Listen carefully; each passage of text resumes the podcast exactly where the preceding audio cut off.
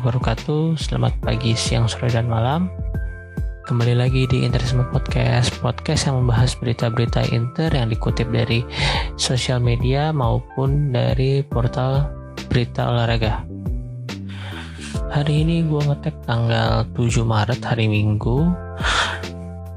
Kali ini hal yang akan gue bahas adalah sedikit review tentang pertandingan Parma versus Inter dan sedikit preview pertandingan Inter melawan Atalanta yang akan berlangsung hari Selasa dini hari pukul 2 lewat 45 waktu Indonesia Barat.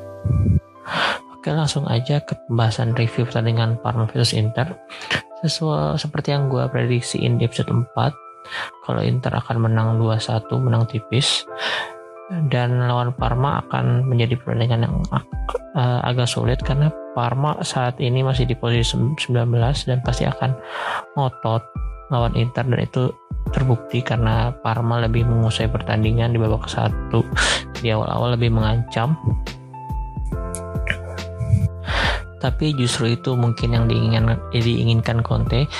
Conte ingin Parma tampil dominan dan menyerang sehingga Parma bisa uh, kepancing barisan belakangnya walaupun uh, di, awal-awal babak pertama itu masih uh, kelihatan solid ya. Uh, tapi pertahanan Parma lebih fokus ke Lukaku sehingga Alexis Sanchez bisa mendapatkan space yang lebih luas dan akhirnya berhasil dimanfaatkan oleh Alexis Sanchez untuk dari kesalahan kesalahan antisipasi pemain belakang Parma sehingga uh, jadi bola daerah di kotak penalti dan langsung ditendang dengan kaki kiri oleh Alexis Sanchez. Sebenarnya masih bisa dibendung oleh Lucepe, cuman bola masih me melaju ke dalam gawang dan gagal di clearance oleh pemain belakang Parma. Reaksi pertama gue saat Alexis golin pertama itu langsung teriak mampus dalam hati karena CP cukup ngeselin ya di pertandingan itu. Apalagi sebelum kebobolan. Dia cukup sengak ya. Apalagi waktu tendangan Brozovic pelan itu dia nggak mau nangkep. Dia cuma mau ngulur-ngulur waktu. Sampai ada pemain Inter yang ngedeketin bolanya baru dia mau tangkep. Selain CP Denisman juga cukup merepotkan dan ngeselin. Sebenarnya uh, main itu kayak kayaknya bagus ya pergerakannya.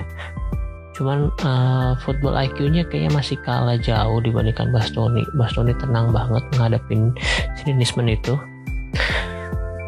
kemudian untuk proses gol kedua diawali oleh intercept dan first touch pass langsung dari Erikson yang bagus banget langsung mengarah uh, ke arah Lukaku di sini Valenti yang sebelumnya berhasil menjaga Lukaku dengan baik di babak pertama agak kepancing juga ya. Dia marking terlalu terlalu tinggi sampai tengah lapangan dan Lukaku dengan cerdiknya bisa memanfaatkan bola passing Erikson dan mengajak lari si Valenti ini.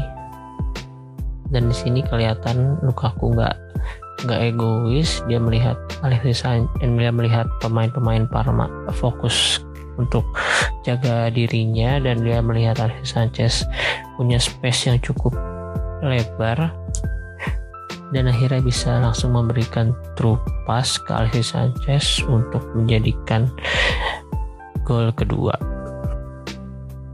Selain Alexis Sanchez yang tampil cukup bagus di malam itu dengan dua gol ya.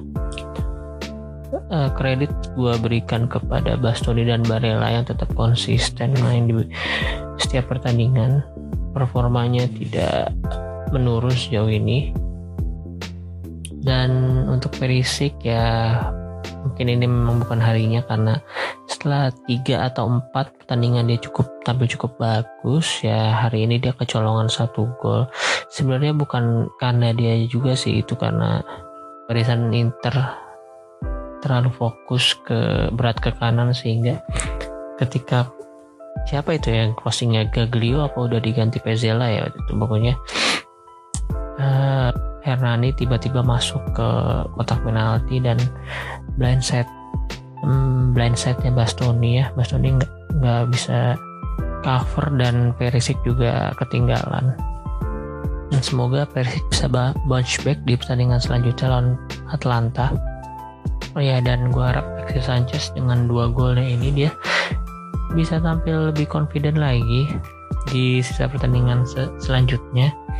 Karena di dua pertandingan terakhir dia berhasil mencetak tiga gol modalnya cukup baik untuk uh, untuk menghadapi Atalanta besok. Dan fun fact-nya Alexis Sanchez ini adalah pemain asal Chili yang berhasil mencetak brace setelah Ivan Zamorano. Dan Ivan Zamorano itu melakukan brace juga ketika melawan Parma. Dan akhir-akhir ini banyak artikel yang menyebutkan kalau Alexis Sanchez akhirnya berhasil disembuhkan oleh dokter Conte setelah Conte bisa menyembuhkan beberapa pemain seperti Erikson dan Perisic baru-baru ini. Tapi menurut gue Alexis Sanchez ini nggak dalam tanda kutip sakit ya sebenarnya. Performance-nya itu eh, sebenarnya kalau dimainin nggak jelek-jelek amat, cuman finishingnya aja yang udah menurun ya. Memang karena usia atau emang uh, dia udah mulai menggeser perannya dari sebelumnya goal getter di Udinese, Barcelona, dan MU. Sekarang mungkin dia lebih mem memposisikan dirinya sebagai fasilitator atau second benar-benar murni second striker. Jadi secara performance sih memang nggak ada yang disembuhin oleh Conte, cuman dari segi mental ya mungkin uh, bukan hanya Conte tapi juga teammates atau keadaan ruang ganti manajemen juga yang bisa membangkitkan kembali semangat dan mental Alexis Sanchez dalam bertanding di Inter ya setelah sebelumnya sempat drop banget kan di MU itu. Dan musim lalu pun sebenarnya nggak buruk-buruk amat ya. Walaupun hanya bermain 22 kali musim kemarin karena cukup sering didera-cedera juga. Uh, musim kemarin Alexis Sanchez berhasil mencatatkan 4 gol dan 9 assist di seluruh pertandingan, seluruh kompetisi maksud saya. Bukan statistik yang buruk untuk seorang pemain pelapis ya. Dan saat ini dia udah melewati jumlah gol yang musim lalu yaitu sekarang udah cetak 5 gol dan 6 assist cuman kalau dibilang finishingnya melempam ya gue akuin memang kaki kirinya udah ya memang weak footnya dan emang udah nggak membahayakan seperti dulu. Dia bisa lari uh, finishing kayak kanan kayak kiri terupas-terupas. Sorry kualitas emang grafiknya udah menurun. Cuman dari visi bermain sih sebetulnya masih Alexis yang sama seperti di Barcelona. Dan semoga dia bisa melanjutkan tren positifnya. Nanti melawan Parma mau itu sebagai starter ataupun uh, pemain cadangan. Semoga bisa menjadi pembeda dan berikan amunisi di saat Lautaro dan Lukaku buntu. Hmm, oh iya ada berita bagus lagi ya. Uh, kabarnya international break untuk wilayah CONMEBOL atau South America akan dipospon beberapa pertandingannya atau mungkin semuanya ya. Dan itu berarti pemain-pemain Inter Lautaro, Alexis, Vidal dan Vecino nggak nggak bertanding di akhir bulan ini international break. Dan cukup menguntungkannya karena Sanchez kan terkena resiko cedera untuk sementara. Dan gue harap untuk zona-zona lainnya seperti Asia ataupun Eropa pun kayaknya harus ditunda dulu ya. Semoga aja apalagi untuk Italia karena pemain Inter musim ini banyak yang cukup banyak yang main di timnas Itali. Dan biasanya ini kayak kalau ini Sensi udah sembuh nih kabarnya kemarin dan kalau misalnya tahu-tahu dipanggil untuk ke timnas dan dimainin ini resiko cedera lagi. Jadi Inter cuman jadi part rehabilitasi cederanya. Mainnya di timnas langsung gacor lagi. Udah gitu aja untuk uh, review Parma vs Inter kita sekarang langsung membahas preview pertandingan Inter versus Atalanta. Yang kali ini Inter akan menjadi tuan rumah setelah di pertandingan di pertemuan pertama di paruh musim pertama. Inter bisa menahan imbang dengan skor sama. Gol gol dicetak lebih dahulu oleh Lautaro kemudian bisa dan Inter kecolongan gol pemain berganti Mirancuk kayaknya itu gol pertama Mirancuk juga di Serie A setelah musim ini ditransfer ke Atalanta untuk head to head in 5 pertandingan terakhir Inter cuma berhasil menang satu kali seri dua kali sorry seri tiga kali dan kalah satu kali.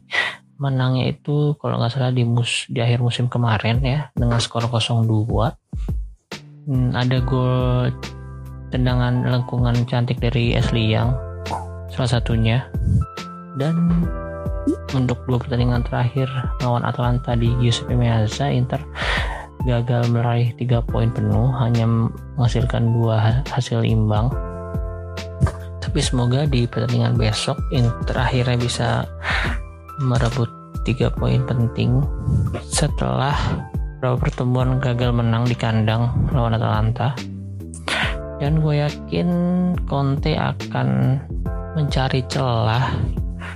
Karena di pertandingan pertama eh pertandingan paruh pertama sebenarnya Conte agak itu Inter agak ter terkurung ya walaupun secara statistik nggak jauh beda possession dan shoot on goal ya.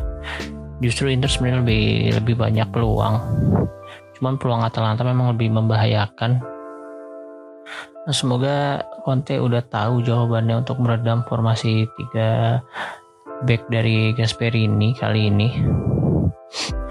Untuk perakhiran formasi sepertinya Conte akan kembali menurunkan formasi terbaiknya saat ini. Setelah sebelum pertandingan sebelumnya, Alexis Sanchez turun lebih awal menggantikan Lautaro kayaknya di pertandingan ini dia akan balik lagi ke formasi andalannya yaitu ada Novik, Skriniar, De Vrij, Bastoni, Hakimi, Barella, Brozovic, Eriksen, Perisic, dan Lautaro Lukaku. Dan di sisi Atalanta setelah ditinggalkan oleh Papu Gomez di winter transfer kemarin posisi Papu sering digantikan oleh Ilicic atau Pesina sekarang. Cuman berdasarkan perakiraan formasi Gazeta, kali ini Pesina akan turun starter. Strikernya ada duet Zapata dan Luis Muriel. Nah, Luis Muriel pun lagi cukup berbahaya ya. Musim ini dia udah mencatatkan 15 gol dan 7 assist di Serie A cetak gol terbanyak Atlanta saat ini. Kemudian untuk sisi kanan yang biasanya diisi oleh Hatebur, besok kemungkinan akan diisi oleh Mahli, pemain Atlanta bernomor punggung 3. Sedangkan sisi kiri tetap diisi oleh pemain utama mereka yaitu Robin Gosen. Kemudian untuk posisi attacking midfielder yang ditinggalkan oleh Papu, tadi kemungkinan akan diisi oleh Pesina. Dan di belakangnya ada Derun dan Fruller untuk tiga backnya kemungkinan akan diisi oleh Jim City, Romero dan Rafael Toloy dan untuk posisi penjaga gawang seperti biasa ada Golini. Kiper yang gue kira tua ternyata baru umur 25 tahun si Golini ini. Berhasil menggeser posisi Sportiello musim ini untuk musim untuk musim ini dia udah catatkan 5 clean sheet di Serie A. Dan di bench Atlanta juga masih banyak main yang bisa membahayakan seperti Ilicic, Miranchuk, uh, Malinovski, dan Mario Pasalik. Untuk prediksi dan harapan gua setelah kemarin di paruh pertama berhasil ditahan Atalanta, Conte akan mencari celah dan mencari kelemahan Atalanta untuk kali ini dan berhasil nak tampil dominan seperti di akhir musim tahun kemarin. Kayaknya walaupun sisi kirinya diisi Gosen Hakimi akan bisa membahayakan dari sisi kanan karena Gosen ini tipe fullback yang atau tipe like left wing back yang cukup ofensif dan kayaknya harusnya sih bisa dimanfaatkan dari serangan-serangan balik untuk sisi kanan Inter atau sisi kiri Atalanta besok. Lain itu uh, absennya Hatebur pun harusnya bisa dimanfaatkan oleh Perisic ya. Uh, kemarin lawan Parma tampil kurang baik. Harusnya sih dia bounce back di pertandingan ini. Dan Lautaro kayaknya akan turun dari menit pertama untuk pertandingan sekarang. Semoga bisa memanfaatkan space yang diberikan kalau pemain-pemain Atalanta lebih fokus ke Lukaku yang sedang on fire. Untuk prediksi sih kayaknya Inter akan menang meyakinkan ya. Kayak dengan skor 2-0 dan cukup cukup mendominasi pertandingan. Kuncinya sih kayaknya ada di lihat tetap di lini tengah. Asalkan Brozovic, Barella dan Erikson berhasil memotong atau memperkecil ruang pergerakan pemain-pemain tengah. Atalanta harusnya bisa memenangkan duel dan memberikan terupas-terupas ke wing entah Hakimi atau Perisic.